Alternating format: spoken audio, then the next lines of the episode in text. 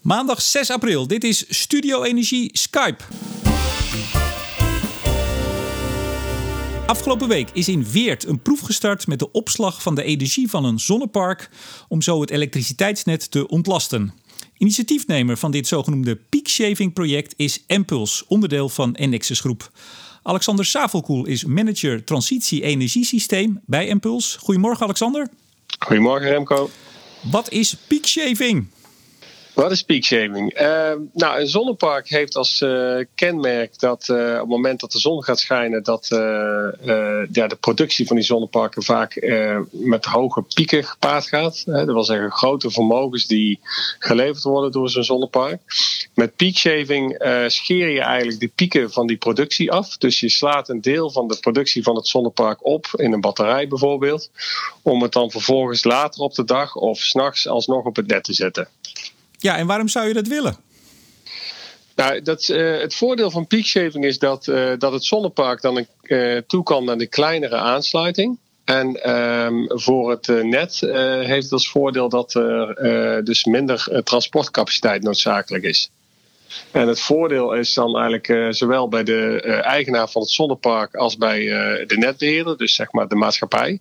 Voor het zonnepark is het gunstig omdat ze dus die kleinere aansluiting nodig hebben, minder kosten maken daardoor. En de energie die ze smiddags opslaan, die kunnen ze op een later moment op het net zetten als de elektriciteitsprijs ook vaak wat beter is. Dus ook wat hogere opbrengsten.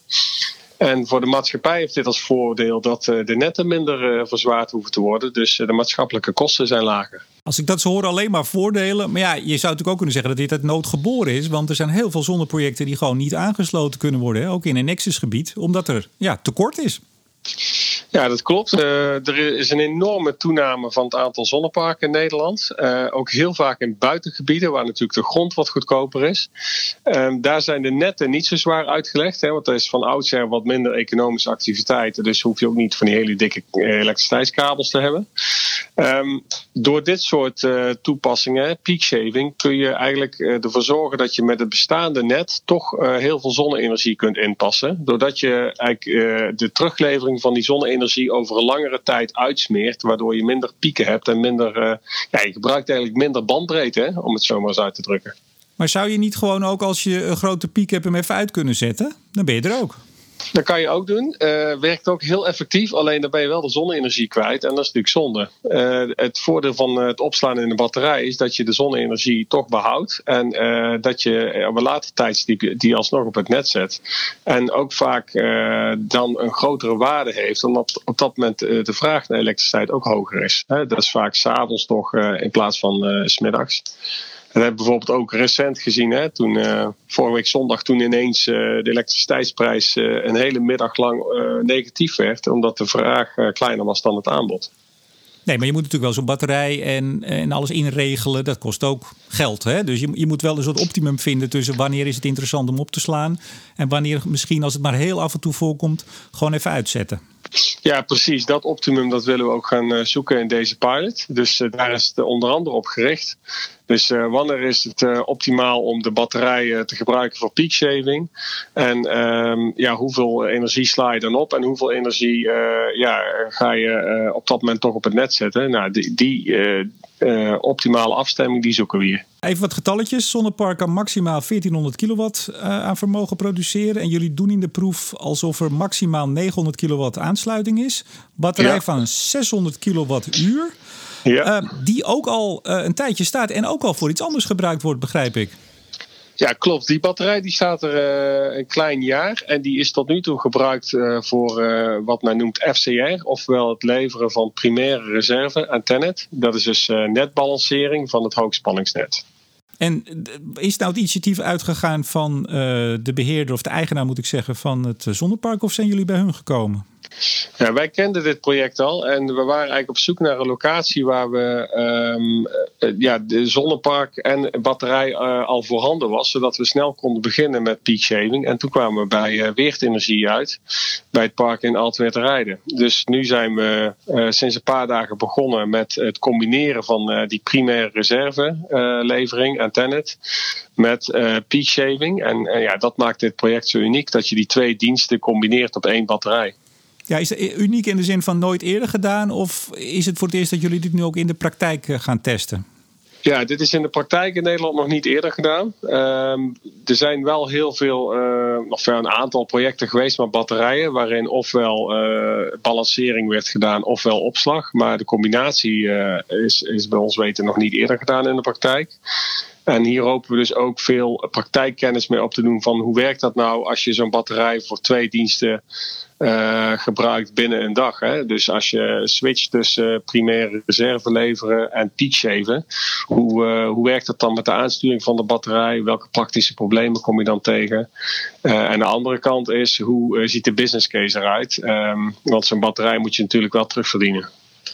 En als jullie nou die proef gedaan hebben, die loopt geloof ik tot september. Hè? En dan, uh, ja. nou ja, oktober heb je er wel een beetje een beeld. Gaan jullie dat dan lekker voor jezelf houden? Of gaan jullie dat ruimhartig delen, Alexander? Het, het laatste, ruimhartig delen. dus wij doen deze proef uh, juist om de, om, om de kennis die we hiermee opdoen uh, te kunnen delen. Dus we maken de rapportage openbaar. We verwachten ongeveer in oktober. Hè? Als in september de zonnekracht wat afneemt, dan is peak shaving ook niet meer nodig. Dus in oktober maken we de balans op en komt er een mooi rapport.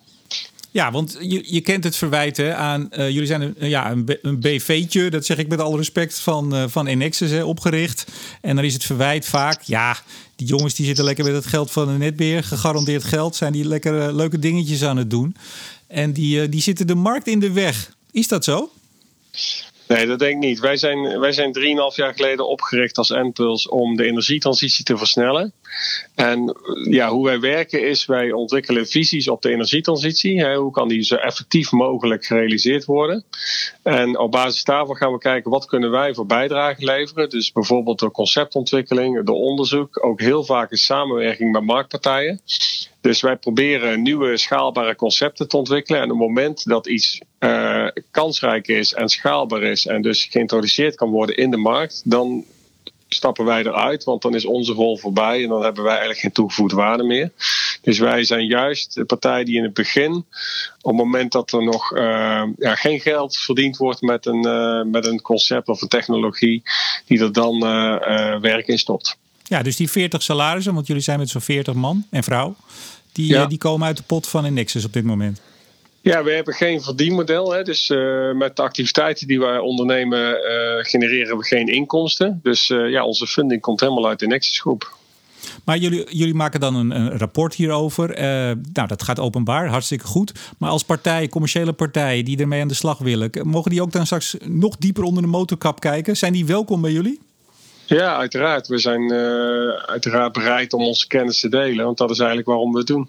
Dus ja, graag. Jij bent manager transitie energiesysteem. Dat lijkt me een veelomvattende taak. Ja, dat is hartstikke leuk. ik mag, uh, ik mag uh, me bezighouden met zonne-energie, windenergie, opslag, waterstof, uh, flexibiliteit. ja, er zijn heel veel onderwerpen. Dat maakt het ook zo leuk. Er is gewoon één iemand in charge uh, verantwoordelijk voor de, de transitie van het energiesysteem bij Impuls. Dat, dat jij. Nou, nee, dat is nee. Ja, ik, uh, ik ben bij heel veel zaken betrokken, maar ik ben gelukkig niet de enige die zich hiermee bezighoudt. Dus we hebben heel veel ja, deskundige mensen binnen Impuls, maar we werken ook heel veel samen met marktpartijen, met provincies, met coöperaties, ja, noem maar op. Ook kennisinstellingen, universiteiten. Um, dus uh, ja, we proberen met een klein clubje mensen zoveel mogelijk impact te maken. Ja, en hebben wij de, de andere partners al genoemd? Want even voor de luisteraars, wij, hebben, wij doen dit gesprek voor een tweede keer. Want we hadden net via een ander kanaal wat technische problemen. Dat was uh, het bekende hoor je mij, hoor je mij. Dat ging even niet goed. Toen hadden we in ieder geval de partners genoemd. En nu weet ik het niet meer of je het net al gedaan hebt. Maar noem ze nog even van dit project. Ja, heel belangrijk. Nou, het zonnepark en ook de batterij zijn van Weertenergie, dus dat is een energiecoöperatie. Uh, daarnaast uh, werken mee uh, Scholt Energy, die sturen de batterij aan.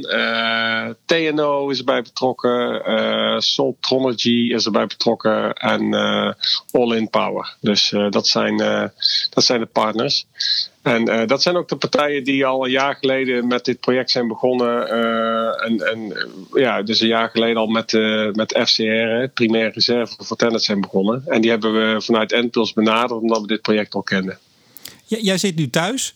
Maakt dat ja. het, het, draaien van zo'n proef, en vooral voor alle andere partijen natuurlijk, maakt het dat lastiger? Of is het toch allemaal iets wat op afstand gebeurt?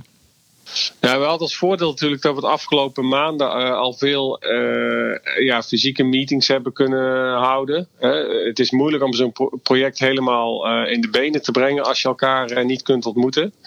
Maar die fase hadden we gelukkig al gehad toen de coronacrisis begon. En nou ja, eigenlijk het starten van het project, hè, dus vanaf 1 april, dat, ja, daar, daarvoor hoef je niet echt bij elkaar te zitten. Dus nee, dat, dat, dat kan allemaal gelukkig wel, ja. Al, al eerste resultaatjes. Jullie zijn, ik geloof, 1 april begonnen. Nou, dat is toch heel kort, maar nu, nu al iets waarvan jullie denken: hey, dat hadden we niet gedacht.